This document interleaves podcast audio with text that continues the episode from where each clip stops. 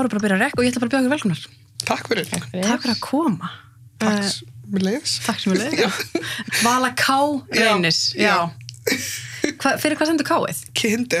Já. Það er millinafnið, eða eitt af millinafninu mínum. Vala K. Reynis og Jóhanna. Já.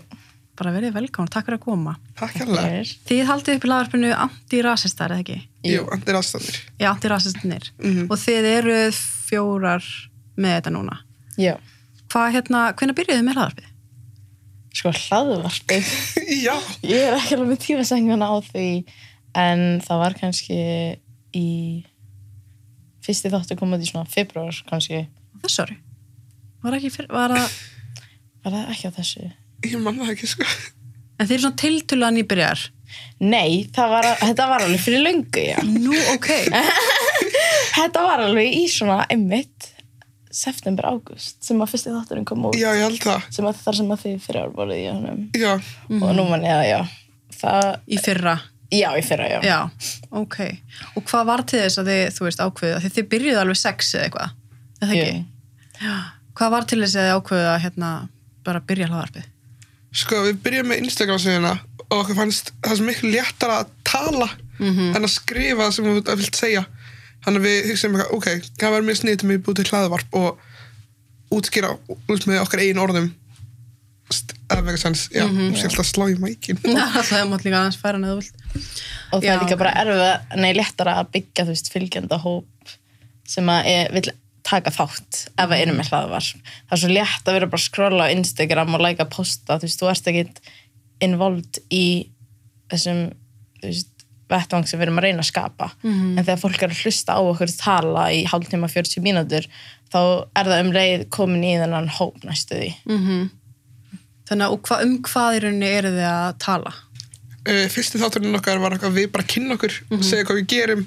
Það var bara eiginlega svona við eiginlega bara í smá kasti að grínast og við erum í smá flippi. og svo var annar þátturinn þetta er mjög bara svona fjöl, mikil fjölbreytti svo veist, annar þátturinn var um að vera hvernig að vera ætlind á Íslandi. Og ég er ætlind og gestur sem hjá okkur var líka ætlindur hver er þriði þátturinn? uh, svo vorum við líka með þátt með Phoebe í arínu og það var eiginlega bara um veist, bæði að vera kona af lit. Við töluðum rosalega mikið um það og líka að bara hvernig er að flytja á nýju umhverfi eða vera litar í íslensku samfélagi. Mhm. og þættinar okkar eru oftast viðtalsþættir svona eins og þínir. Og já, við töluðum bara um hvað við eigum saminlegt við höfum bara tekið viðtal við litafólk og svona við reynum að skapa svona tengsl í gegnum veist, þessar upplifunar sem við eigum saminlegar Mm Voruð ekki að því sé líka þið eru sumar með mjög mikið svona fræðslu aktivisma í gegnum TikTok líka. Er, er það líka eitthvað sem þið gerir í hlaðarpnu? Fræða fólkum bara... Í...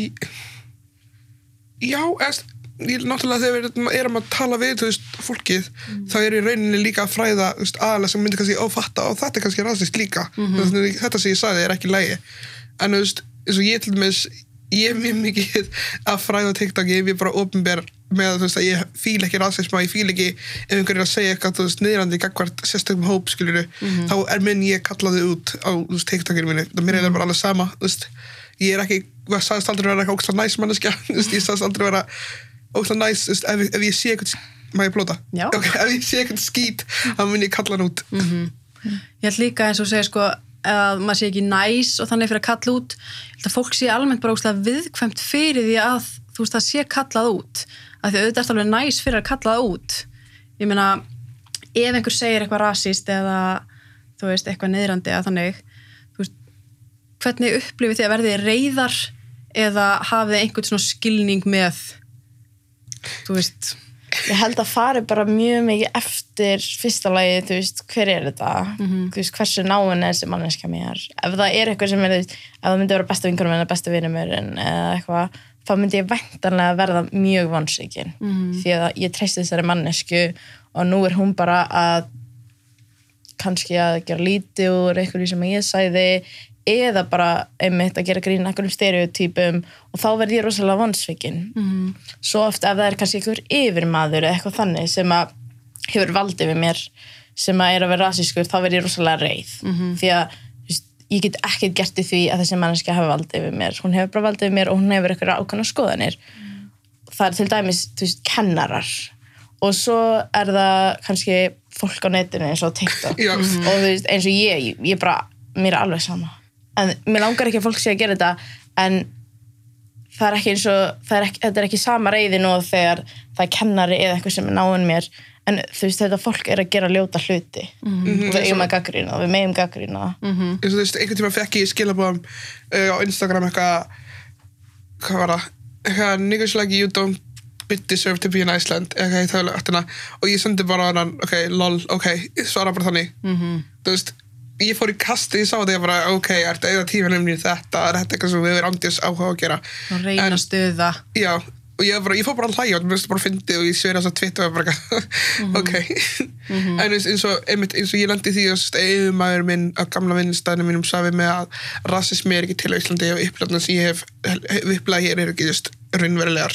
Svona basically, ég var að gefa það í skinn og ég var ógeðslega reið við það að heyra þetta, þetta er manneskja sem ég á að geta komið til ef ég lendi í einhverju vinnunni en svo trúar hún ekki að, þú veist, ef einhver myndi kalla mig ennurreið þá var hann bara, já, nei, það er ekki rasmi, svona, var þetta Íslands, nei hérna hvítur einstaklingur? Já, það er hvítur, hvítur maður. já, ok, hvítur miðaldur kallmaður kannski. Nei, ekki miðaldra. Hann, bara ungur. Já, já, veist, og það mér sem bara fyndi þetta að segja aðli, lendali útlendingahatri, það var alveg verið að segja við hann að, þú veist, ef hann- talaði ekki eitthvað rosalega góð íslensku, hann bara, með að tala eitthvað íslending. Æ, þú kannt ekki tala íslensku þarna, svona. en svo fór hann tilbaka og var með nákvæmlega saman skýtti mig, sem ég var bara svona hræstni. Einmitt. þú ert að kvartið þessu frá þeim, ákveður þetta að gera nákvæmlega saman mig. en heyrið þetta mikið kannski, þú veist aðeins fyrir kannski nokkrum árum en ennþá heyrið að þú veist að sé ekki mikill rasism á Íslandi Já, ég heyri það svo mikið. Það er svo- og það er held ég fyrst og fremst út af því að fólk horfir til annar landa eins og þú veist vandaríkjana og er bara, það er ekkit rasismi hérna meða við þarna. Og ef það er eitthvað þá er þið bara að væla. Og þetta er svo skadilegt sko, þetta einmitt ítir undir þessa jafnréttisparadís sem að fólk heldur að við lifum í. Mhm. en já, það er einmitt mjög þessi áhrif og þessi hugmynd sem að, þessi hugmynd sem að hefur byrst, hún hefur ennþá áhrif, mm. veist, hún er ennþá til staðar ég veit, þú veist, manni, þú veist, þegar eitthvað segir við mig veist, og það er eitthvað ekki það mikil veist, það er lítið lækkari leiðin í upplöfuna mína sem ég hef lent í hérna, með, með rasisma Mhm. þú veist, það, er eins og ég myndi segja við, þú veist, konur, já það er ekki það mikið kvennfyrirlitningina, veist, Mhm. þetta er alveg frekar góð staður, en veist, er, við hefum lent í kvennfyrirlitningu, mm. -hmm. skilur við já, líka, ég held að fólk gleymi því að orða, orð eða hugtök eins og hvítforréttindi og white fragility og öll þessi hugtök og antirasismi þau byggjast á upplifunum. Þau byggjast ekki bara á ykkur veist, hugmyndafræði. Þetta byggjast fyrst og fremst á upplifunum okkar. Því að við sjáum þetta en þið sjáum þetta kannski ekkert fólk heldur að þetta sé bara einhverju prófessor í háskóla sem er að búið þetta til og eru bara eitthvað, um, við ætlum bara eitthvað að skrifa einhvað til þess að skapa þessa hugmynd um að minn hljóttarhópar eru minni. Þetta er byggt á okkar upplifunum ekki bara einhverju prófessorir í háskóla.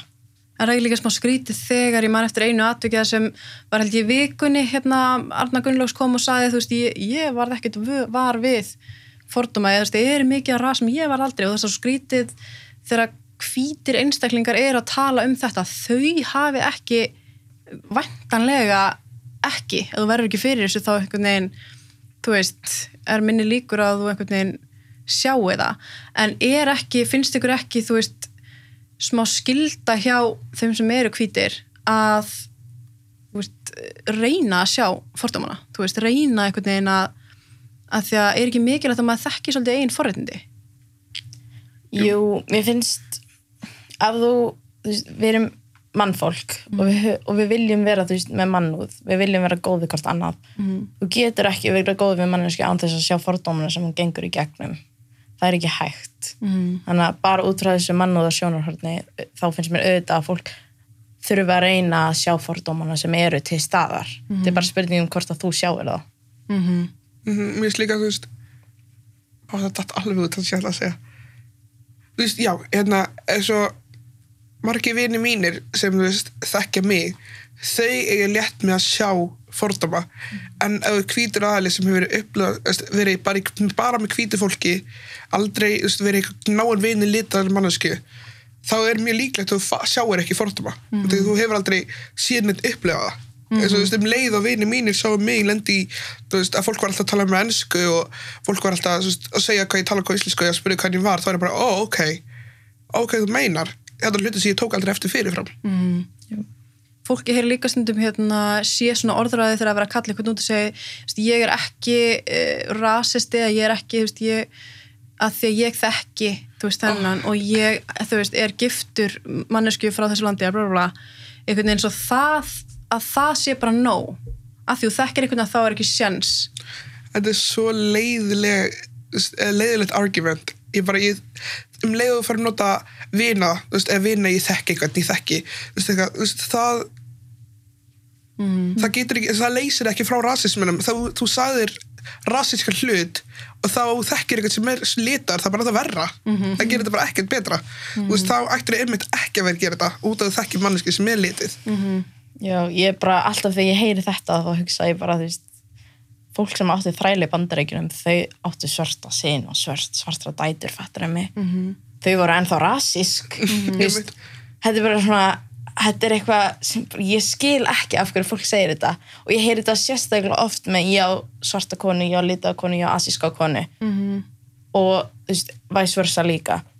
Og ég er bara svona, þú getur ennþá þú veist, við erum, lifum í samfélagi þú getur átt samskipti við lita fólk og líka verið með fordóma gegn þeim. Mm og jafnvel kannski án þess að vilja eitthvað já, illt með því. En, en eins og þú varst að tala um þetta með þú veist að vera svona white fragile eða þannig um, þú veist verðið þið mjög þú veist mikið var við það? Já, sérstaklega þegar ég er að tala um þú veist, rasisma. Getur þú Og- bara svo, já, white fragility. Það er bara þegar þú ert að tala við hvítamannesku um rasisma eða svona já, rasisma, kynþáttahattur og hún verður annarkvort mjög defensive eða hún vill ekki tala um það. Hún bara fer að verður svona guilty mjá, og vill ekki tala um það næstu því. Skiptir um umræfni Já, skiptir umræðefni og þetta er eitthvað sem að ég hef tekið rosalega mikið eftir bara með fólki kringum mig og þetta er rosalega oft gamalt fólk. Og til dæmis um daginn ég var að tala við eitthvað og ég sagði við þau að ég veri antirastanum og ekkert meira ég er antirastanum og þau segja það má ekkert lengur. Og ég er bara ég, ég sagði ekkert um hvað þú mættir segja eða þú mættir ekki segja. Eina sem ég sagði um að ég væri þessum hópi sem berskja grasisma. Og fyrsta sem þú segir er ég, það má ekkert lengur. Og þetta er svona fullkomið þú veist, það, þetta er svona fullkomið hvernig white fragility virkar því að þetta er svo oft hvítt fólk sem að bara er annarkvort trætt um að vera að fundi sekt um rasisma eða bara tekur öllu sem áras næstu því. Það er mjög oft þannig að þegar ég tala við hvítt fólk um rasisma þá tekur, því, tekur það því sem árás. Ég sá þetta kannski smá þegar hérna, um daginn þegar það var hérna, Ungfrú Ísland eða Un- Ungfrú Miss Universe held ég. Og það eru allar ljósarar og uh, það að vera gaggrina bara skort á fjölbreytileika. Ekkert endilega að vera gaggrina þær heldur bara keppnina og bara skort á fjölbreytileika. Uh, þá fannst mér ég upplifa smá svona white, uh, þú veist að þeir sem voru kannski keppa og jafnvel þeir sem voru að standa fyrir keppninu voru smá svona white fragile þegar að þú veist eins og ég sá, ég sagði hérna eh, að þær hétu allar Sandra já, og ég fekk yfir 30 skilaboð frá stelpum, ljósunum stelpum sem voru að takka mig og skrifa þú veist, ég og söndruna mínar eða ég heiti ekki Sandra eða hvernig vogar þú þér að setja út á mig blah, blah. ég hugsaði svona, vá veist, er svo, það er einhvern veginn við náum aldrei að uppræta þú veist, fordóma og þú veist gaggrina fjölbreytilega, skorta fjölbreytilega ef þetta er alltaf viðmótið. Mm -hmm. eins og það sé alltaf svona árás á þau. Mér finnst þetta er líka mjög mikið frá fyrirtækjum. Ef við tekjum eftir því eins og við varum að tala við uh, Rack Arts sem er hópur uh, sem gerir Þetta er svona listahópur sem að um, er fyrst og fremst að sína fjölbreytileik og er skapar af fólk, fjölbreyti fólki. Mhm. og já, hvað ætlar að segja? Hérna, og þau voru að tala um hvernig þau sendu á rosalega mörg fyrirtæki sem voru just, eins og fyrir fermingamyndir til dæmis bara, sorry, Galdri 17 það var ekki einn litar aðalegar og þá fór ég strax yfir sko, hann átti hana COVID og hérna, við tókum bara all fransískin okkar en í staðin segja bara, á já, ok, við bætum það næsta ári. Mhm. En þetta er líka bara vandamálið að taka fransiskinni því að fyrir mér persónulega þá liður mér ofta eins og svona sérstaklega svona listir og allt það módela og eitthvað þannig. Það sé bara rosalega svona mikið business sem er bara innlokaður og fólk sem er að utan eins og ég og fullt af öðrum innflytjendum og fólk á lit komast ekki inn í þetta út af því að þau eru ekki frænd fólk. Og við þurfum líka einhvern veginn að ná til þeirra annars munum við aldrei ná þessum fjölbreytileika sem við erum að reyna að fá. Mhm. sérstaklega sem að þú veist hvernig leikus virka þú veist, ég hef ofta reynda ég, veist, ég var yngri sótt í veist, ég fór rosalega oft í leikus og ég tók alltaf eftir að það var aldrei neitt sem leit út að ég. Þú veist, ég var alltaf ég sá aldrei neitt svartan aðeins á sviði. Og þú veist, ef ég sótt ef ég reynda að komast í leikri, það var þú veist, allt, komst ég aldrei inn. Og svo var barn einhvers leikara sem komst inn mm -hmm. skilur Svona klíkuskapur í Íslandi. rosalegur, alltaf. Og þú veist, ég man er ekki að tala um þetta þú veist, að það er ekki hægt að, þú veist, það verður að vera fjölbreytileiki hérna, litli svarti, lítil svartbörn en lítil, litli litaði krakkar sem sitja í áhörundin áhörund á, á Já. áhórendahófnum áhörundir þau getur séð einhvern á sviðinu sem lítur út sem þau og því það skiptir rosalega miklu máli. Það segir, ok, þú getur líka verið þessi mann þess að ég held að ég geti verið leikari því ég sá ekki neitt sem var litaður þegar ég, þú veist, fara mamma mýi skilur í borgleikunni, það var hvað 2016, 17 mann hvernig var, þú veist, það er alveg frekar langt að það var fyrst getur ég sá lita á manneska sviðinu. En, þú veist, hún var ekkert ekki að þú veist, starta partinn, en, það sem var lita manneska ég líka held að fólk fatt ekki alveg hvað representation raunverulega skiptir miklu máli. Því að þegar ég var lítil þá var hann að prinsessan og froskurinn sem að koma út sem var fyrsta svarta prinsessan í Disney nokkuð tíman og bara þessi bara, veist, þetta var uppáhaldsmyndin mín í, þú veist, tíu ára eitthvað hann örgulega og ég bara elskaði hana. Og hún veitti mér innblástur til þess að gera fullt af öðrum hlutum. Sama með, þú veist, Annie sem er önnur mynd sem að Annie þið þekkja örgulega Rauðhærð. söngleikin, já, mm. rauðhær en það kom 2014 út önnur mynd. Og þar er svart stelpa með afró og dökka húð bara í sjónulösinu og þessi mynd líka bara gefur mér, gaf mér svo mikið innblástur og ég fatt ekki fyrir núna hversu mikið ég á að þakka þessum myndum mm. fyrir bæði sjálfströðust og að vera comfortable, þú veist, til þess að vera ég Mhm. og já, svona myndir eru oft bara, já, um eitt innblástur fyrir litaða krakka, fyrir svarta krakka. Mhm. En finnst ykkur, veist, 2022 finnst ykkur þetta hafa eitthvað breyst þess að með, þú veist, þegar ég farið í leikhús eða er farið, þú veist Ungur Ísland 2022 er allar eins þú veist, af hverju erum við ekki komin aðeins lengra? Mér lýður þess að sé hrætt við að þú veist að vissu leiti, þú veist að hrætt við að vera öðru í sig mm því, þú veist ég held að segja þetta, þú veist að vera hvít hvít mótel, veist, mér að það selja meira greinilega fyrir þau. Veist, það lítur allan þannig út að þau er ekki að taka þú veist, þess að vink, ú, jésús vinkunum mín er mótel og hún er svört og ég ekki sé hana vera að taka þátt ykkur stóru. Þau nota hana bara fyrir svona litla hluti. Sem finnst óslega leiðilegt að sjá og það með langar að sjá hana Florence á þetta hún er þú veist, jafn falleg eða fallegri, veist, ekki til að vera veist, hún er gull falleg og hún á alveg skilað að vera mótila á þessu stóri sviðum og þú veist, fyrir 6 gráð norður og svona en það er langa oftast bara hvítir einstaklingar. Mhm. þú veist, mann er líkast litlum krökkum líður að þau geti gert hluti ef þau sjá ekki eitthvað sem lítur út svo þau í þessu hlutverki, í þessu hluti, hlutum. Já, ég sá auðlýsingu um daginn hjá einhver fyrirtæki og það var eitthvað svona casting call.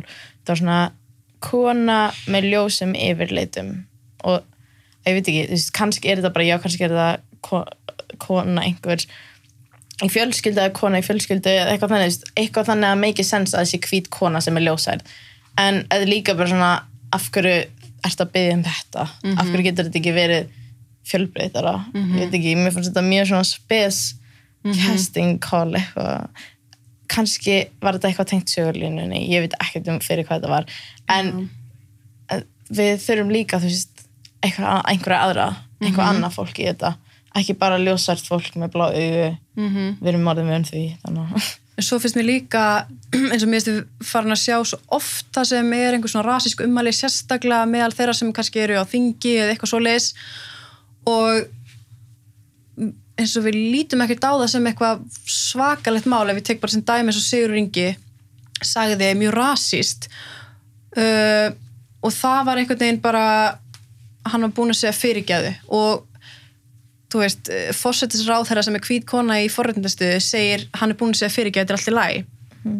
fyrsta lagi, er hún manneskjan sem á að ákveða það? Nei, þú veist, hvernig blasti þetta til dæmis við ykkur? Við skrifum yfirlösingu sko, þetta bara var, hvernig segi ég, bara slap in the face.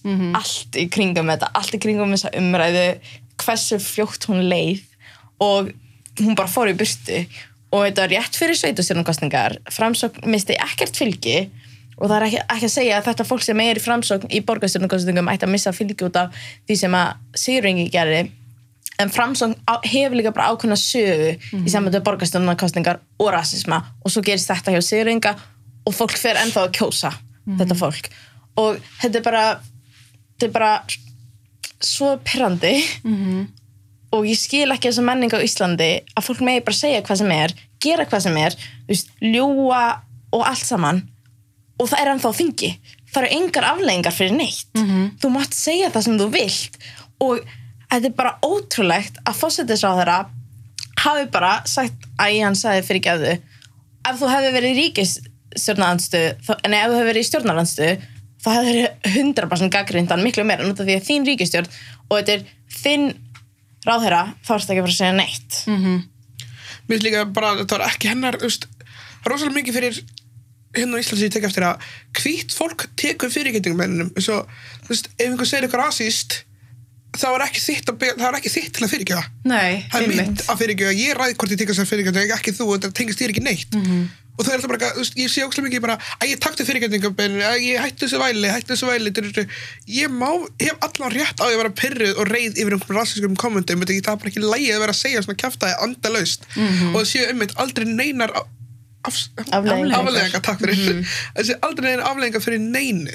Þú veist, hvernig kemst það upp með að segja eitthvað svona ég veit ekki bara að þetta pyrra mig. Ísland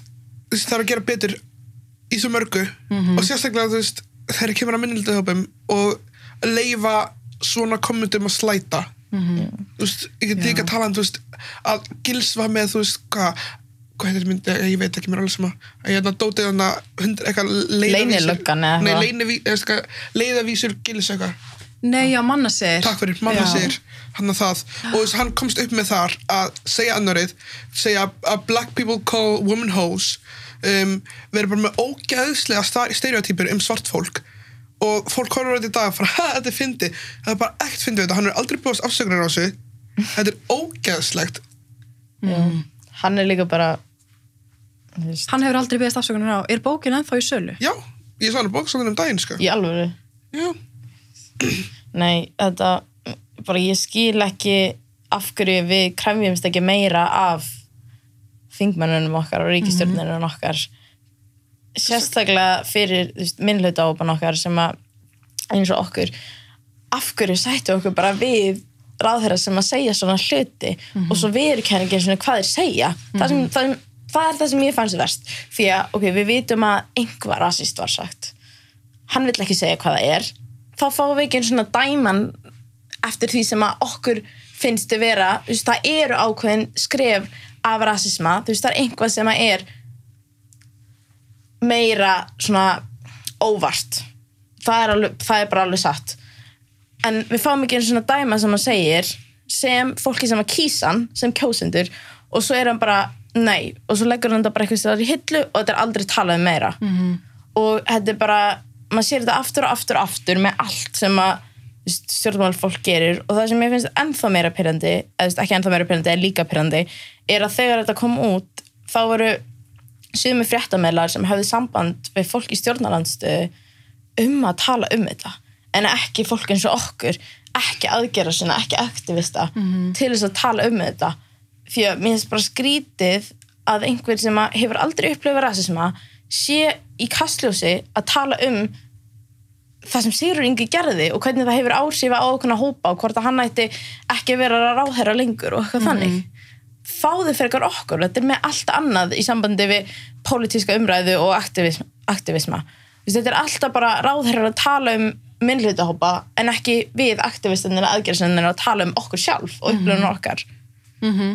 Að því svo segja þau sko tók eftir að þau voru að segja já, hérna fólk gerir mistök og fólk missir út úr sér og, og hérna hann er búin að segja fyrirgefðu og allt þetta en hvað fordæmi, þú veist, hvað hvað hvað sýnir þetta okkur líka bara um fleira sem gæti gerst, ég meina hvenar er, hvenar er, hvar er línan hjá þessu fólki Jú. Ég held bara, núna sé engin lína. Ég held raunverulega að ráðherra geti sagt hvað sem er og hann muni komast upp með það. Því að í fyrsta lagi mjög stóru hluti af fólki á Íslandi er alveg sama. Því að þeir vilja bara sjá endurbætur í sínu umhverfi, hjá sínu fólki, fólki sem lítur út eins og þau ég held að það sé það sem er mikilvægast hjá þeim og ef að þú veist manneski segir nokkur orð um eitthvað um einhverju minnlutápa þá er það bara það sem þarf að gerast mm.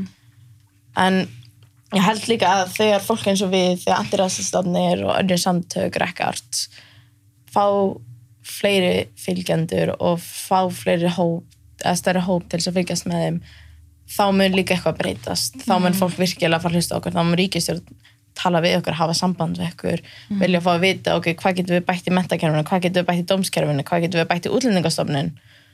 Hvað þarf raunverulega að bæta? Og mér finnst líka svo oft að málefni minnleita hópa já, auðvitað eru þau pólitísk en veist, þau nota líka oft bara til þess að græða í stuttan tíma og svo ekki lengur. Eins og með Vafki, þú veist, fyrir hvað átta árum eða eitthvað þannig, nýja árum þá voru þau bara alveg bara brjálu út af því útlendingastofnun var að senda fólk aftur til Gríklands þau voru alveg brjálu, ok, nú er það komið ríkistjórn átta árum setna, þeim er alveg sama, þú veist, þau eru ekkert að gera neitt til þess að spórna við þessu. Þetta er bara, við erum bara eitthvað sem að fólk ræðir á í stuttan tíma og svo ekki lengur Er það, er það allmis, ég sá að þið voruð að tala um svona performance aktivismi eða þannig, hérna síndamennsku aktivismi. Já. Hvernig, þú veist, ef við útskynum það bara, hvað, hvað þýðir það? það þegar þú notar aktivisma fyrir þitt for your own gain? Ég get ekki útskilt þetta betur í íslensku. En þú veist, það er svo til dæmis með Black Lives Matter þú veist, það er langt best að útskilta það þegar það var í gangi eða það er á það í gangi en þú veist, það var að hæsta staðnum því það var fólk rosalega ekki nota þess að posta svartum kassa á Instagrami sitt og skrifa Black Lives Matter til að sína að þau eru aktivistar en þau ger ekki neitt nema það, þú veist, þau fara ekki að skrifa undir petitions, fara ekki þú veist, að gefa ekki pening til að styðja þau styrkja ekki neitt, þú veist, þau gefa ekki neinar þú veist, fleiri leiðu til að hjálpa þú veist, það einu sem þau gera er að post- posta um kassa. Og þú veist, líka þau veist, þegar TikTokar sem var eitthvað, ég er partur af TikTok, TikTok sem styður Black Lives Matter og þú gerir tínt sem ekki neitt til að, veist, að vera með resources eða neitt þannig. Þú veist, og sínum mennska aktis á Íslandi þegar þetta var í gangi hann eitthvað sér að þau stiðu Black Lives Matter. Ég get séð hvað skipa. Þú veist það var í gangi á Insta story hjá öllum og þú veist ég var bara svona hvað gerir þetta fyrir Black Lives Matter? -hmm. þetta gerir ekki neitt. Nei. þú veist eina sem þetta gerir er að posta þessu story já já ok flott og stiðir þetta en þú voru, þú voru ekki að sína neinar þú veist, ég veit um ókslega margir að þau voru ekki, ég stiði Black Lives Matter en voru að segja bara ljóta þessi hluti veist, bara niðrandi hluti og rassiska blandara ókslega fyndið eitthvað. En svo er ekki, já, ég stiði Black Lives Matter. Nei, þú gerir það ekki þú veist, svo er ekki þetta löng lýsing á hvað syngdamennsk Nei. aktivismi er en veist, í stuttum orðum þá er þetta syngdamennsk aktivisti það sem ég vil sjá frá fólki sem að vil hjálpa, raunverulega hjálpa er í fyrsta lagi að það fræðir sig um rassisma og nýlandustefnu og þú veist, hvernig þetta kerfi er byggt af hverju eru sumir um, has, af hverju eru sumir hópar frekar glæpamenn eða eitthvað þannig? Af hverju eru sumir hópar verri en hinir? Af hverju er haldið að þessi hópar er líffræðilegri verri en þessi? Af hverju er þetta kerfi byggt svona? Hver hagnast á þessu, hver hagnast. Ekki á þessu ég vil að fólk skilji það. Og það er sem við erum að reyna að gera til restina í öðru lagi, ef þú vilt líka hjálpa annan háð, það er að styrkja, styrkja samtök. Styrkja ekki bara þessi stóru samtök, styrkja líka litlu samtökin. Þú veist, styrkja fólk í bandaríkjunum sem er búin að missa réttin til þungunarofs styrkja svart fólk í bandaríkjunum sem er búin að missa réttin til þungunarofs núna. Þetta er það sem þú getur gert til þess að hjálpa þessari baráttu fyrst og fremst. Styrkja og fræða þig og þessu erum ekki að tala um eitthvað að setja tíu skall skilur Nei. þú veist, hundra krónur þú veist, það er eitthvað, að betur ekki neitt skilur lítið, margt smátt gerir eitt stórt svo orðað til ekki segir en þú veist, líka bara með síndamennska, síndamennsku aktivisma eins og þetta með þú veist hvernig stjórnarflokkar, þeir eru rosalega mikið að nota hann, þú veist, þeir eru ekki já, vist, þú veist, eins og með vinsi græna eitthvað að segja öskraðust að hverjir voru að henda át að, að ríkistjórn og útlendingastofnun væri að brott, fólki já, fólki Já, og svo þess stafar þeir að sína fram já, við viljum gera þetta betur en núna þau ríkistjórn og ekkert hefur breyst. og svo erum við náttúrulega með eins og Dómssonar aðra sem lét bara orðin falla hérna, að hérna, flóttamenn sé að teppa uh, aðstöðu fyrir aðra þú veist, hvernig þið tala um að, þú veist, þetta fólk er ekki bara kraf, ég myndi gera þá kröfu sem ég myndi vilja sjá frá fólki á þingi að þetta er bara nóg til að segja okkur, þú ert ekki rétti maðurinn í starfi, við þurfum að fá nýjan. Alveg eins með segur ynga, þú veist, við erum bara við gerum þá kröfu ef þú ert ef þú segir þetta sem einhvern brandar að reyði að hvað sem þetta var, þá ert þú ekki rétti maður í starfið. Mér, þú getur ekki verið í stjórn yfir veist, ríkinu og landinu ert með rasískar hugmyndir og, þú veist, og svona viðhorf um fólk. Þú veist, það bara passar ekki að þú ætlar að sjá um fólki í landinu, þú ert með sérstök viðhorf um sutt fólk, að þú myndi ekki vera að sjá eins vel um þau. Já, ég held líka bara sumt þurfum við bara að endur sko bara alveg í gegn eins og útlendingarstofnun af hverju er það að fólk frá ákveðnu svæði fái frekar leiði til þess að koma til Íslands heldur en fólk sem er frá öðru svæði sem er Afrika og Asia og Suður Ameríka en þau eru samt með alveg sem tækifæri. En þetta fólk sem að byrja í Evrópi það fyrir miklu fleiri tækifæri til að koma til Ísland. Af hverju er það? af hverju er það að Úkraina að flóttamenn frá Úkrænu er að fá miklu meira þú veist, flóttamenn frá Úkrænu er fá frekar hæli en aðri flóttamenn frá öðrum löndum þar sem það er líka stríð. En fólki þar er brúnt og svart. Þetta er eitthvað sem við þurfum bara að fara í gegnum skoða alveg í gegn. Því að sum kerfin okkar eru bara hreint og beint rasísk og þetta þarf bara að laga. Þetta snýst ekki alltaf um einstallingana heldur líka bara hvernig getum við breytt kerfinu?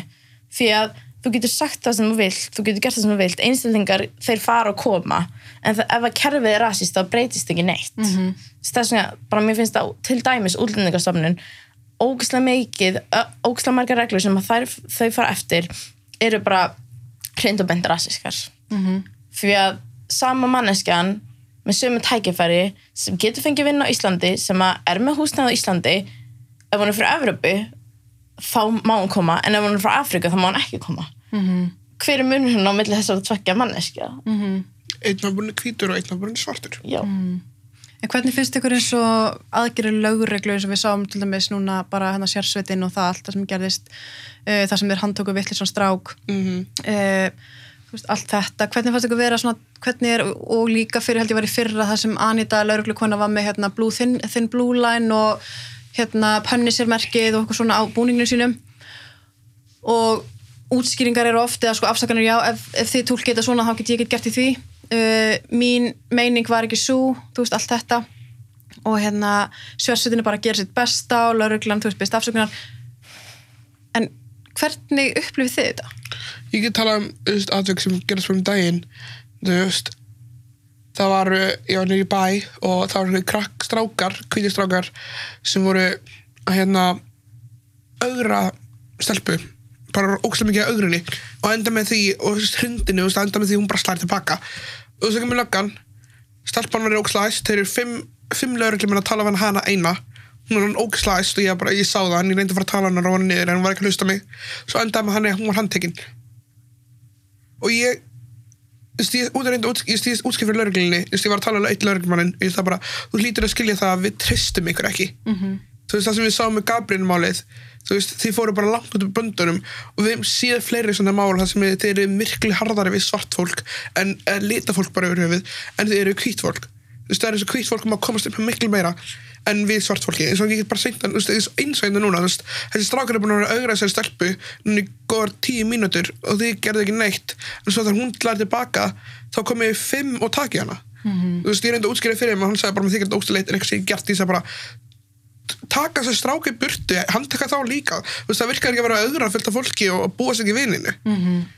og þú veist svo var eitt strákurinn sem var að kalla hinn strákinn bara öskra hann ennvarið og það voru hópur af sörtum krökkum með saman og þessi litum fólki og einn af þessu kvíðistrákum ákvað að koma til okkar og var öskra á bróðir stelpuna sem var handtekinn bara ennvarið og var íti hann og lögreglan var þarna og sagði henni horfðu þetta að gera sker ekki neitt og svo hótaði, svo komst, svo lappaði hinn strákurinn upp á hannum og þá ætlaði hinn gaurinn að kýla hann og þá loksins gerði lögreglan eitthvað. Þá handtók hann hann þú veist, af hverju fekk hann að komast upp með svona rosalega mikið að segja ennárið, að vera að hóta okkur að vera auður okkur, að vera með eitthvað svona djöðs kjaftaði, þú veist, af hverju mátt hann gera þetta? Þú veist, er þetta ekki hennisræða mm -hmm. skilur þú veist, af hverju megar að komast upp með það, en af hverju, en um leið og þú veist, það er ofbeldið, þá er það ok.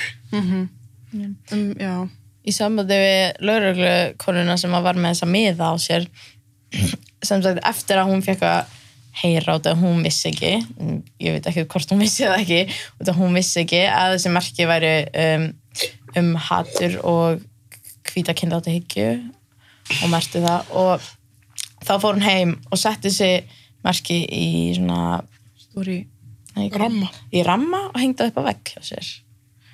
Og postaði ekki á Facebook eða Jú, postaði- á. Facebook. Og sýnir þetta ekki ákveði viðhór sem að manneskja hefur bæði til gaggrinni og líka til mm. minnleita hópa það er ekki venjulegt að vera með, með merki hvítara kynþáttahyggju á vegnaðinum sem eitthvað svona og líka ekki eins og hún var ekki svona að tala um þetta eins og þetta var eitthvað sem hún sá eftir heldur bara eitthvað, þetta gerði allt brjálað Mhm. og auðvitað gerir þetta allt brjálað því þetta er merki haturs þetta er merki um að einhver hatar mig. Af hverju myndi ég ekki vera brjálað ef einhver hatar mig út- bara út af eitthvað sem ég get ekki breytt? Og líka það að þessi ég er að gíska þessi mannurska sé ennþá með vinnuna sína. En, 100% já, en lögreglan og mörg kerfi á Íslandi margar, ríkistof, margar ríkistofnanir þær þurfa að taka tillit til þess að það sé ekki allir hvítur á Íslandi. Öll allar reglugerðir allar áætlanir sem við erum með fyrir fólk eru byggt á hvítu fólki. Eins og til dæmis þegar einmitt þetta gerðist við Gabriel, Eh, Gabriel. Gabriel Aron, Aaron, já. Þannig að þá var þessi áætlun að reglugerð sem er fyllt eftir til þess að leita að strókafanga ok, en það er eitthvað öðruvísi við þennan strókafanga við þurfum að viðkenna það, hann er litar hann er hálfsvartur held ég.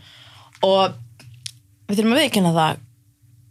Þegar ég sá þessa mynd á MBL af strókafanganum þá var ég bara þetta á eftir að leiða til eitthvað slæms. Ég veit að þetta verður slæmt. Ég er glöð að ég sé ekki á Íslandi núna út af því að þetta mun leiða til einhvers. Og þá bara eftir þetta gerist, eftir að sonur Kládíu var bara Alltaf áttu ára handtekinn átti að vera handekinn á sérsveitinni. Þá hugsaði ég bara þið hefðu getað gert eitthvað annað. Þið hefðu getað breytt svo miklu. Þið hefðu getað verið nærgætnari. Svo margi, svo margi bent á að til dæmis að senda uh, lauruglu þjón sem var ekki í einkennsbúning ekki í einhverjum sérsveitarbúning það hefðu getað gerst. Þannig að það er svo margt sem að þarf að breyta í áallanum með reglugerðum og öllu þessu út af því að við erum að verða fjölbreytara það, virk, fjölbreytari.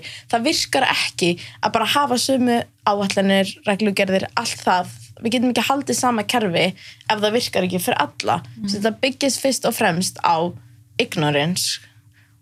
Og ef þú hefur ekki tillit til uppræðana allra þá ertu bara fyrst og fremst að bjóða upp á rasisma og þú ert að bjóða upp á kerfi sem tekur ekki utan um alla. Það er bara skadilegt En hvað finnst ykkur þurfa þá að breyta? Ég meina, eru, eru vitið þess, eru margir litaðir einstaklingar innan lauruglunum til dæmis? Ég hef andis ekki sé eina lita af manneski lögreglunni sem minnst ógæslega legt Mm. en ég var með eitt sem ég ætla að segja tengt einna Gabriel-málinu, sorry. Ég það komið aftur upp núna þetta ég var, að var með stöður að vinna. Hérna, þú veist, ég veit að þú veist, hérna kona sem vinnir með pappa mínum hún er lita hans og hún banna eða hún vildi ekki að hann myndi fara út úr húsi. Já, um mitt. á meðan Gabriel var að leita og hún var hætti með eitthvað svona myndi gerast. Þú veist, ég veit um fleiri fleiri fóreldrar sem voru með þess að hugsa um bara, þú ert ekki að fara út úr húsi fyrir þessi stráku finnst og ég vil ekki að þú sett handtekinn haldandi að setja hann. Og ég greinlega getur Íslands fólk ekki greint að milli 20 ára 21 ára stráks og 16 ára barns. -hmm. veist, þetta, var, þetta var bara bull. og líka bara það, ef ég er að, ef ég var að strjúka strú, ef ég var að strjúka ég myndi, myndir aldrei sjá mig inn í strætó. Almenni samgöngum eða inn í bakari með mummu minni. Það er ekki að fyrsta sem ég myndi hugsa. Já, svo var hann, svo var aftur, svo gerst þetta aftur, já. já, í bakari bara það hverju- tvísvar líka bara fyrst ef ég fyrir þetta gerist aldrei aftur.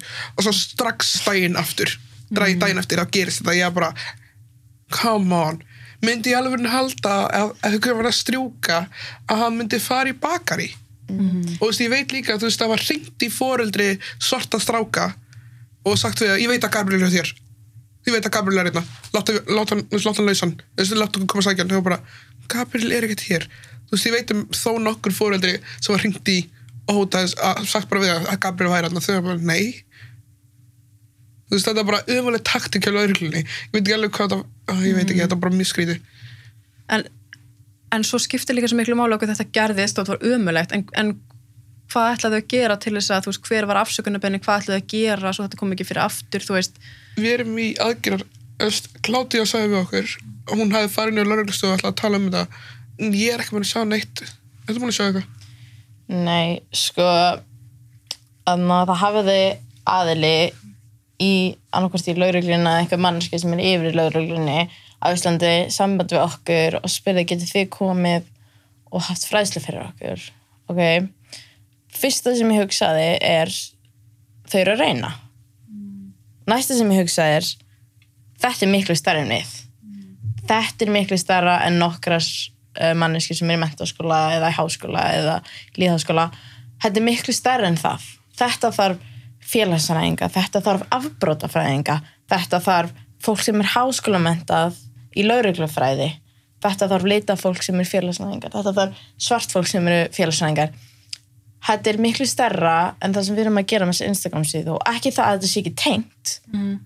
Við getum en það þarf bara að brjóta upp kerfinu. Því að þetta þarf einhvern sem er með menturuna til þess að breyta þessu og við vitum rosalega mikið en fyrst og fremst það sem við vitum er byggt á upplöfunum okkar og hvað við höfum aðgang á á netinu. Mhm. en fólk sem hefur actually lært þetta í háskóla það þarf að koma og breyta þessu. Vita fólk sem hefur lært í háskóla það þarf að koma að breyta þessu því að það þarf fólk sem hefur hefnina í þetta. Og það þarf bara að sitja fjármagn í þetta ríkistjórn þarf að koma fjármagn í þetta þau þurfa að koma hér í áætlun á um að breyta þessu hjá lögreglunni en er ekki líka svolítið svona alltaf þegar kemur eitthvað svona eins og þessi bara þetta hræðilega atvik Mhm. svona, einmitt, já þau eru að reyna en af hverju af hverju þurfa af hverju þarf fólk alltaf að koma og útskýra fyrir þeim í staðin fyrir að þau geta bara frætt sér sjálf þú veist á netinu eða eins og þú segir þú veist haft þú veist fengið fólk innan þú veist mentakerfisins til þess að hjálpa þeim með þetta. Er ekki smá er þú veist, verður maður ekki leiður á að þurfa alltaf að þú veist útskýra fyrir fólki?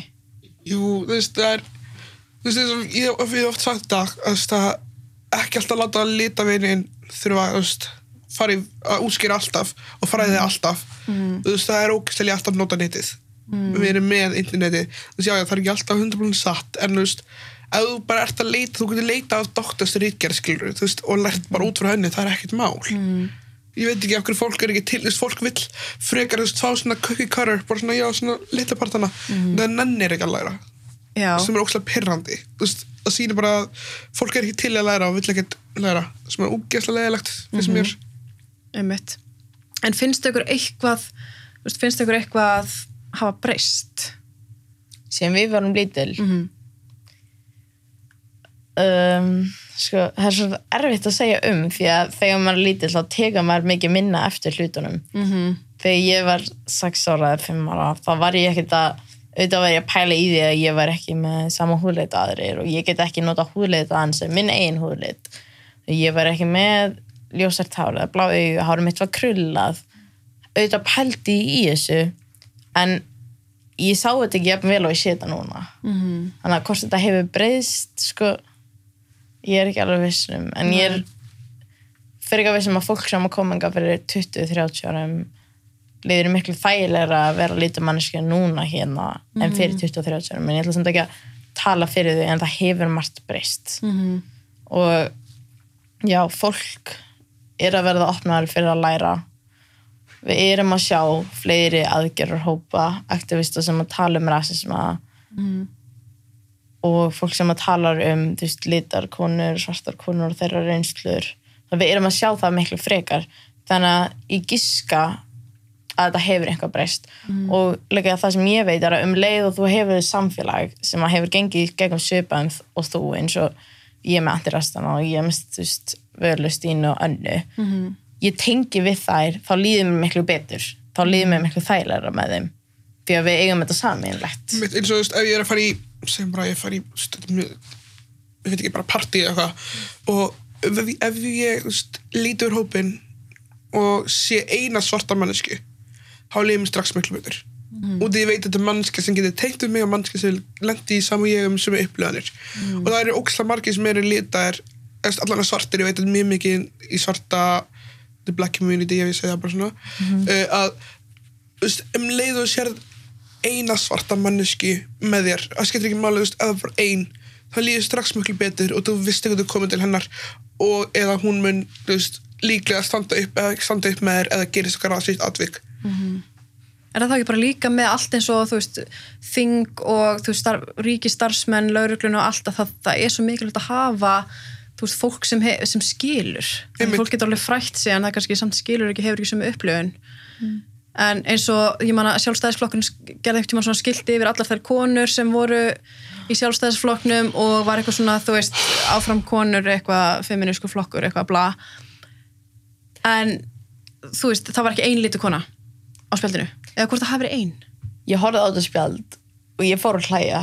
Ég ég raunverulega fór að hlæja. Því að þetta er líka vandamálið við feminisma það eru gallar við feminisma og þetta er vandamálið.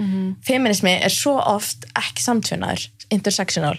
Þetta er svo oft bara hvítar ríkar eða hvítar konur sem eru af með, meðalsett sem að fara í þessar stöður eða eru andlit feminisma það er líka vandamálið. Það er ekki bara að setja konur í forsvari fyrir eitthvað hugmyndir eru hvað þurfa að koma fram. Hugmyndir lítar hvenna þurfa að koma fram. Hugmyndir hinsinni hvenna þurfa að koma fram. Hugmyndir fallar hvenna þurfa að koma fram. Þetta þarf alltaf að koma fram. Þetta þýr ekki bara að setja ykkur á konu í forsvari og svo ekkert meira. Þú veist, þetta þarf að vera samtvinnað. Þú veist, ég veit til þess að ég myndi treysta þú veist, ég myndi er það, stjórnaflokki meira að ég myndi sjá litan aðalega í stjórnaflokknum mm 100% þú veist, þá myndi ég, ég myndi, ég veit þú veist, það er alltaf tenging á milli litar aðala, þú veist, því sérstaklega á Íslandi við hefum búið í þessu samfélagi við hefum langt flest lent í einhverju rasísku. Þú veist, það er alltaf þessi tenging. Og líka bara ef það verið svartu lauruglumæður eða svört lauruglukona þú veist, ég myndi tengi, ég myndi, mér myndi líða svo miklu, miklu þægilega með það að vita að það sé, þú veist, einhver lauruglumæður sem- hefur lent í sem upplifun og ég og vill bæta kerfið. Og þú veist líka svo, að við tölum um þetta í systrum um daginn að þú veist, það væri ógæslega heimskoðið fyrir okkur að fara til sálfræðings hérna. Og við erum að tala um okkar reynslu og hvernig okkur líður. Þú veist, já, ég get talað um sálfræðingur og hún getur reynt að skilja mig en hún er aldrei að tengja með mig. Og þú veist, það er ekki, ég veit ekki um einn litan sálfræðing þetta Já, er það? Já. þú veist, og ég veit ekki hvort að þú sagði þetta, það var, við getum, já, við getum farið til sálfræðings út í bandarækjunum, en ég held að þú hefði sagt það, en hérna, þau veit ekki hvernig er að vera svartir á Íslandi, -hmm. það er allt öðru í sig, og er- þetta er einmitt ástæðan okkur mér langar að vera sálfræðingur, -hmm. það mér langar að geta, veist, ég mér langar að geta að vera rödd, að ég geti komið til mín og ég mun skilja hvað þau gengi gegnum, Mm veist, það er ógæslega erfitt að fara að tala við veist, eins mikið mér þykir vænt um hvítið þinn mína. Þú veist, mér finnst erfitt ekki að tala við þau um rasisma og hluti sem ég lendi í og því ég veit að þau tengi ekki. Mhm. þau skilja mig og eru ógæslega næs og eru stuðnings en þau mun aldrei tengja mig þess að mér finnst miklu þægilega að tala við þetta með Jóhannu, Önnu og Stínu. Algjörlega, já, það er ekki lituð, litaður sálfræðingur. ekki sem ég veit af það er enda mjög góða punktur en eins og í öðrum stjættum, þú veist, hvað hafið þið, þú veist, tekið eftir eins og sálfræðingum, þú veist, eins og, en eins og læknar er það vantar ekki bara í allar stjættir Jú.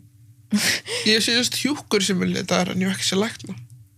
Ég held að ég ég er að hugsa sko, ég held að ég hef aldrei séð neina, neina hjúku eða lækni eða einmitt einhver sem að svona, Þú veist það líka út af því það er náttúrulega hræðslu það út af því þessi bullsaga um það eitthvað að svarti líka með að höndla meira sássauka þú veist það var gett eitthvað þú veist það bara ekki, það er ógæslega oft ekki trúa svartum konum þegar þær fara til læknis. Út af því það er trúa því að við eigum að höndla sássauka með Petur sem er bara eitthvað, eitthvað rugl sem var gert inn í, hvað, 1900 og eitthvað ég fyrir löngu. Já, rugla 50s, þú veist það er rasismi og hæstur eitthvað. Það er bara, já, læknar reyta sársauka svartfólks læra en hvítfólks sama þó að þau séu sína af sömu merki. Og þetta leiðir til bara ógisla marga hluta. Þetta leiðir til þess að svartar konur í bandaríkjunum eru 3-4 sunum líklegri til þess að deyja. Um, annarkvort við fæðingu eða vegna orsaka tengdri fæðingu. Þetta leiðir til þess kann, jafnvel kannski að, að veist, þetta leiðir bara til margra slæmar hluta, sérstaklega þetta með svartakonur að þær í degi freka við fæðingu en hvítakonur mm. og þetta er einmitt bæði tengt því að það er ekki trúað svörtu fólki kannski endilega þegar þau segja þau séu að finna fyrir einhverjum sásöka það eru minni peningur sem er reynir til þess að spítala. Þetta er tengt um, bara heilsu í bandaríkjunum er staðar sem þú getur ekki farið í svona grocery store, í búð, matvörubúð og keftir eitthvað holt. Það þetta heitir mataræðumerkur og það eru eiginlega bara bensinstöðvar, sjoppur um, áfengisbúðir og þetta leiðir til ógslamargra annar hluta. Eins og til þess að jáfnvel kannski að þar sigursíki er miklu líklegri til þess að finnast í svörstu fólki en í hvítu fólki Mhm.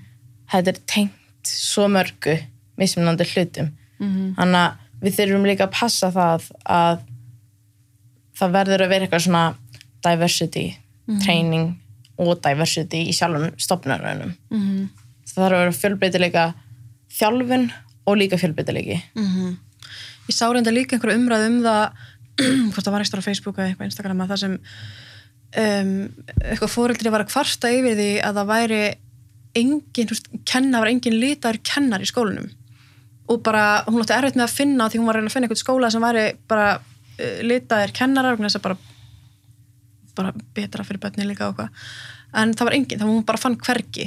Er, þú veist, í ykkar skólum fyrir þegar voru yngri, var, þú veist kennari eða einhver það var engin kennari held ég sem var Já, leitaður í skólanum minni það voru samt fyllt af það fyllt af starfsfólki innan skólan sem að veist, var innflytjendur sem að voru þá annarkvort svona skólaleifinendur eða þrýfa eða bara aðstóða börnin. En það var engin sem var kennari eða skólastjóri sem að var litaður ég held ég að mér þú veist í grunnskólanum mínum þá var ég sýstu mín einu svörtu börni í skólanum alveg til svona þriðabæk sko. Mm við þurfum líka bara að skoða það þú veist, hvaða ástæður eru fyrir þessu. -hmm. þú veist fyrst alveg hversu stór hluti af Íslandingum eru leitaðir. Mm ég held að þessi ekki alveg vita hversu margir Íslandingar eru leitaðir á Íslandi. Þannig að við þurfum að skoða það fyrst og fremst ok, eru þeir að sækjast eftir þessum stöðum? Hvers vegna, er, þú veist, hvers vegna ekki hvers vegna? Eru þeir kannski með meiri byrði út því að þau fá ekki sömu tækifæri og aðrir, Íslanding, aðrir hvítir Íslandingar og þetta verður bara, við þurfum að skoða þetta út frá hverju einasta því að það er þú veist, sönnunagögg fyrir því að uh, bara svona ekki beint sönnunagögg en það eru ákveðin aðlir sem hafa reynslu af því að vera neytar vegna þessar litaðir í starfsviðtölum. Fyrirskarar eru minna leiklari til þess að vera teknar inn ef það hafa eitthvað svona útlensnafn þetta eru þúsund hlutir sem að gæti leitt til þess að það er ekki ákveðin hópur í þessum stöðum. Og þurfum líka bara að endurskoða eins og við erum með kynjakvota ok, þarf þetta líka með þú veist kynþætti eða fólk af erlendum uppruna það er líka samtal sem að þarf að eiga sér stað. Því að við erum orðin 15% af, þú veist, fólk af erlendum uppruna er 15% af fólki sem býr á Íslandi. Af hverju eru ekki 15% af fólkinu sem er í ríkistjórn af hverju eru ekki 15% af öllum skólastjórnum á Íslandi? Af hverju eru ekki 15% af öllu fólki sem er í stjórn fyrirtækja? Þetta er bara spurningar sem maður raunverulega þarf að svara. Mm veist, af hverju er kynjakvotin ekki? Af hverju er ekki þú veist, fólk af erlendum uppruna kvoti við þurfum að skoða þetta líka algjörlega, hafið þið einhvern tímann sendt fram eitthvað svona spurningu á yfirvöld eða eitthvað?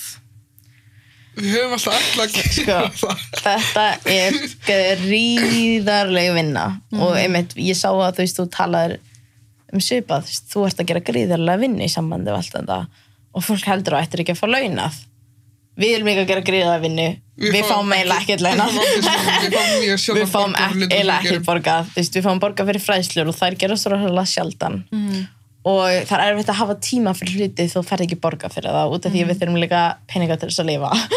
Og einmitt, þetta með að fá að senda bréð til líkistjórnar eða eitthvað álíka við höfum alltaf pælt í því en það er erfitt að búa til tíma út af því að við erum allar vinnandi. Já, ég er í tveimur vinnum eins og þér. Já, ég líka og við erum bara allar uppteknar og en við viljum gera þetta, við viljum reyna að gera þetta í framtíðinni. Og veist, draumurinn minn hvort það sé fyrir antirastana eða einhver svona önnur samtök þá er að veist, þetta verði svona svipað á samtökin 78 að mað, við fáum ríkisfjármagn og við fáum fjármagn til þess að halda starfseminni uppi fáum fjármagn til þess að leia þú veist, hús hafa viðbyrði hafa, fá fólk til að ráða og þú veist, alls konar þetta allt þetta, þetta þarf var þetta er ekki eitthvað sem við getum bara fjóra að höndla, við getum ekki tekið öllum rasism á Íslandi sem Já, að það er, fólk er rosalega mikið í því að held að við séum bara alltaf bara til í slægin mm. þú veist, það er þú veist, eins, eins gefandi þetta getur verið að vera þetta líka rosalega þreifandi auðvitað og sérstaklega ef ég get ímyndað mér sko ef þeir að fara að senda bref eða þú veist á ríkistjórnina og síðan er ríkistjórnin bara eitthvað svona horfir á rasism, sem er bara eitthvað svona ægi þú veist, þetta er ekki það mikið mál. Mm Já, líka bara þetta er þegar þú veist maður liður eins og maður sé einn af það eru önnur samtök eins og við eða sem við erum ekki eins og samtök. Þú veist það eru aðrir aðgjöra hópar eða samtök eins og við sem að eru að berja rasisma en þau eru í sínu. Mm. og við erum að gera okkar og veist það er ekki hægt að leggja alla byrði þess að berja skegg rasisma á þrjá, þrjú, þrjú, þrjá aðgjara hópa eða þrjú samtök. Það er ekki hægt. Og til þess að gera það þá þarfst að gefa fólk fjármagn til þess að gera hlutina. Þú þarfst að skapa raunverulega bara ákveðna deild sem að berst gegn rasisma og útlendingahattri Mhm. Bara innan annarkvort þú veist, ríkistjórnar eða dómsmála ráðuneytisins eða eitthvað þannig Mhm. eða mentakerfisins þetta þarf að gerast, þetta þýr ekki bara að leggja þetta á okkur þrjá aðila Mhm. því þeir segja alltaf þú ég fengi að heyra frá mörgum svona þú veist, háttsættu fólki og það var svo hafa komin tími fyrir þetta á Íslandi þetta er vant á Íslandi en þú veist ef ykkur finnst, finnst þetta virkilega vanta og vil ég ekki sjá þetta enda þá þurfum við að gefa okkur fjárm við erum ekkert að öskra þau pening skilur þau þurfum mm þau þurfum að styrkja sína þau vilja halda þessu gangandi. Mm veist, það er ógæslega erfitt. Veist, við vorum allar í mentaskóla við vorum þrjár í mentaskóla í fyrra. Veist, ég var að útskriðast núna sýstum minn að útskriðast, það var ógeðslega mikið að gera. Við höfum lítinn sem engan tíma fyrir andir aðstæðana, þú veist, Anna var líka útskriðast í grunnskóla, veist það var, núna, og líka núna í sumar eru allar að vinna, það er svo erfitt að finna feitt tíma fyrir þetta. Og sérstaklega að við vitum við erum ekki að fá borgað fyrir þetta þá er það var meiri líkur til þess að ég tekja frekar aukavaktir til að fá pening fyrir það. Auðvitað, en, veist, en að mér þykir óslega vænt á andir ástina og mér langar að vera í þessu mér langar að sjá breytingu. En veist, það að fá líka eitthvað tilbaka er líka svona vá, ok það er líka bara ekki heldur að hægt að lifa á þessu Já, veist, ég get, ef ég var ekki vinna get ég ekki bara unni að því að vera á andir ástinum Mm. þegar ég er ekkert að borga fyrir það En upplýði ekkert maður bara svona reyði að af hverju ættu þið að þurfa að berjast fyrir ykkar rétt, bara tilveru rétt og ykkar réttindum þegar fólk í ríkistjórn er einhvern veginn gefið sér út fyrir að vera jafnrétti sinnar og, og hérna, vilja gera bæta fyrir samfélagið en eru samt ekki að gera það. Af hverju ætti þið að gera vinnuna Mér, em, þetta er mjög góð spurning því ég aldrei hugsað þetta þannig. Mér veist, núna þú segir þetta, já, ég pyrröð þú veist, af hverju ég úlingur að hérna, vinna fyrir ríkistjóðana, af hverju ég að gera vinnuna þeirra? Þú veist, er þetta ekki það sem þau eru að gera? Er þau ekki vera að búa til veist, stefnumál um að bara gera hlutunum betur, af hverju við einhverju krakkar þú veist, ég veit ekki betur en að þau hafa verið að tvíta Black Lives Matter og, og, og maður veit að hverju þú veist. En standa einhvern veginn ekki undir líka þú veist þegar við unnum hérna, Nordic Pioneer þá, þá var sko bara Reykjavík bor postaði mm. Dagur B. Eggjarts gerði það líka drurururu, þú veist þið voru alveg vá við erum stolt af ykkur, ok, er það samt. Því þið, þið er ekki þið er ekki að gefa ykkur neitt annað þú veist þið er ekki að gera neitt til að gera þetta betra eða léttara fyrir okkur. Það hendar þeim mjög vel, það er mjög flott á, á CV skilur að segja bara ég stend hérna með þessu flott hjá ykkur, gangi ykkur vel en bless mm þú veist maður hugsa, maður hugsa þetta með svo margt annað líka en bara þú veist eins og þetta, veist, af hverju er maður að gera alltaf þess að vinna fyrir hvern og hverju er maður að fá vel gert hjá okkur? Þú veist og allir vita að sé gott, þetta er goodwill, þú veist, þetta er þetta, auðvitað á þetta að vera svona en enginn vil gera neitt. Svo ég hef fengið þessa spurningu mjög oft. Í fyrsta lagi, þú veist, hvort ég verði mjög reið þegar ég fatt á ástandið sem er í gangi og hvernig fólk bara raunverulega vill ekki breyta oft þá er ég bara þá leiðir mér oft mjög svona helbless. Bara, ok, er ég að gera eitthvað? E- eru eitthvað raunverulega breytingar í gangi? Svo hitti ég annað fólk annað lita fólk og þau eru bara oh my god, þið eru celebrity sko, ég elska ykkur og svo er þið bara þú hefur bara sínt mér að ég er ekki ein að við erum ekki eitt. Og að ég geti gert það sem ég að ég geti verið litar og líka verið íslendingur eða að þetta sem að ég er að upplifa eigi sér hugtök eigi sér um, fólk með aðra upplifunar tengir líka. Mm. ég sé ekki bara eitt. Og það er sem kemur mér oft bara mjög mikið gegnum hlutina. Mm -hmm. og svo með þetta af, hversu vegna eru við að gera þetta eða af hverju við, ættum við að gera þetta ef að þau eru ekki að gera neitt? Mm veist, ef ekki við, hverjir aðrir?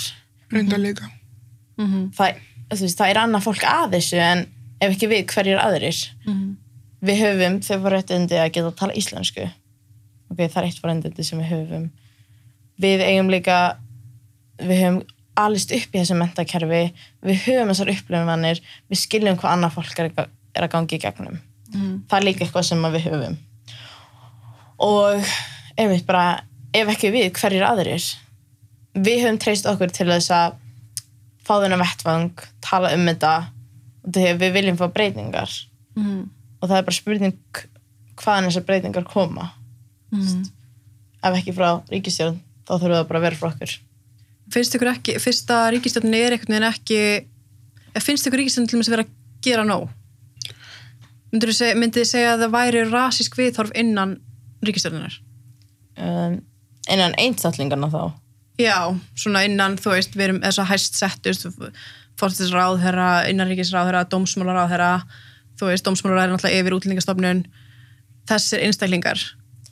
Sko, það sem mér finnst er að þú veist, ráðherrar, dómsmálaráðherri fórsættisráðherra og annað fólk í ríkistjórn er bara fólk eins og við. Mm -hmm. það er hluti af samfélaginu. Það gerir grín eins og annað fólk sem er í samfélaginu okkar gerir. Og það er bara hluti einmitt, það er bara það er hvitt fólk eða bara, ég held að sé bara hvitt fólk sem er í ríkistjórn og Lenja, hún er ekki í ríkistjórn ekki, oh sorry. Og þetta er bara fólk eins og við. En við þurfum líka að skilja að það eru aðri standardar fyrir þau standardar fyrir þau. En svo held ég líka bara að ríkistofnunan sem við, við þurfum að lifa við eru rosalega rasískar og því þurfum fyrst og fremst að breyta Mm -hmm. ég held svo lengi sem að stofnunar eru- séu rasískar þá eru ráðherrarnir líka rasískir Mhm. Vist, eins og með útlendingastofnun ef að við erum með þessa stofnun sem að brottu sér fullt af fólki oftast lítu fólki til Greiklands eða annar landa sem að lifi bara myndi bara þurfa að vera í hættu og eitthvað þannig ef við erum að senda það að brottvísa þessi ríkistofnun er að brottvísa það fólk burt en ráðherran sem er yfirneðinni er ekki eins og Jón Gunnarsson heldur bara ógæslega mikið positive eitthvað people of color og eitthvað þannig er það einhver breyting? Mhm. þurfum við ekki að breyta ríkistofninni auðvitað var í geggjað að fá svartan dómsmálur á herra Mhm. en ef að ríkistofninni breytist ekki hvað þá? Veist, ég hef oft hugsað út í það til dæmis ef ég var upp dómsmálur á veist, ekki að eitthvað ég er að fara að gera það en ef það væri til dæmis ég svart manneskja dómsmálur á herra og ég er ekki til dæmis hælisleitandi eða flottamæður ég hef ekki upplifað sömu uh, upplifanir og til dæmis inflytindur ég hef aldrei þurft að díla við útlæðinskomunin beint á minni reynslu en ég er samt veist, þetta, þetta er eitthvað sem að ég myndi endilega ekkert breyta neinu bara út af því ég er svört Mhm. það þarf að taka þetta í gegn Mhm. frá bara the lowest of lows því ég var alveg heyrt það að það eru bara starfsmenn útlendingastofnunar ekki bara reglurnar þarna heldur starfsmennir sem að bara vilja frek, miklu frekar afgreða hvítamannisku en svartamannisku Mhm. eða hvítamannisku en asíska mannisku og svo koma sér reglugerðir eins og diplunarreglugerðin sem að einhvern veginn segir að það sé alltaf lægi að senda fólk tilbaka þetta er samt ekki mannúðulega reglugerð Mhm. en við lefum sér samt að gerast því að þetta eru útlendingar því að þetta er ekki hvítt fólk samt lefum sér að gerast og þetta er ekki við Mhm. þannig að við styrfum að breyta ríkistofnunum og auðvitað við þarfum fólksinn sem er ríkistjórn Mhm. en við þurfum að taka til í öllum þessum kerfum fyrst Mhm. því ég held að sé ekki að fara að breyta svo lengi sem að þessar ríkistofnunum breytast því að they can put a blackface on it but it doesn't mean the system is not racist Mhm. rétt Það er rétt.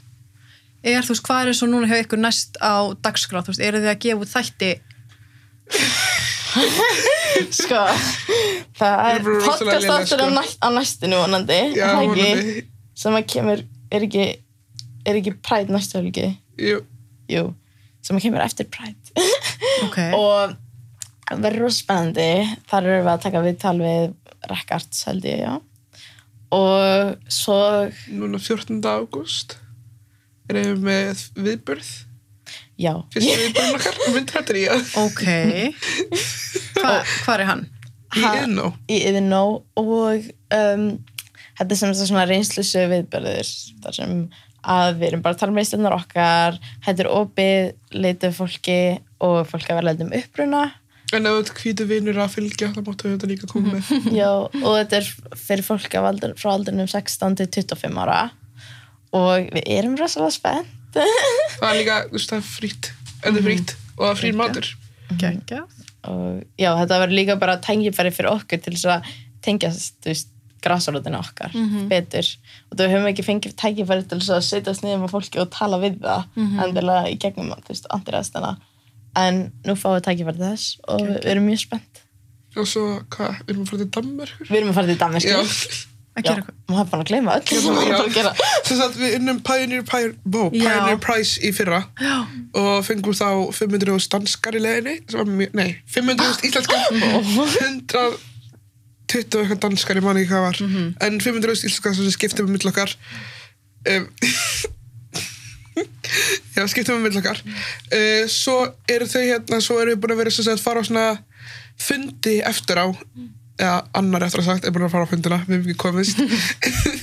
Og það erum við svona að kenna okkur hvernig eða svona workshops hvernig getum við verið betri að, að vera að tala við fólk og svona. Og núna erum við að fara til Danmörkur og tala við Danish Youth held ég.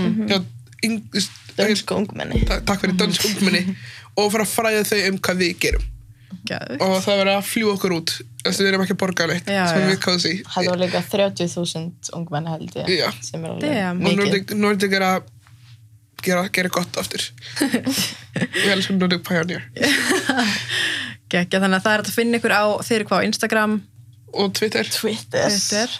Er þið aðalega á Twitter? Nei, við við erum aðal á Instagram. Ok. Jú, Það er bara að virkar á Twitter samt. Já, það er aðalega sem postanir okkar eru að koma eru á Instagram og svo svona yfirlýsingar eru meira á Twitter kannski. Mm og podcastið okkar antirasistanir sem er hægt að finna á öllum helstu streymisveitum. Geggjað. Já, ég held að það sé bara svona fullkomin loka orðina hjá okkur. Bara takk æsla fyrir að koma. Takk hérlega fyrir að fá okkur. Takk fyrir að bjóða minnsta málið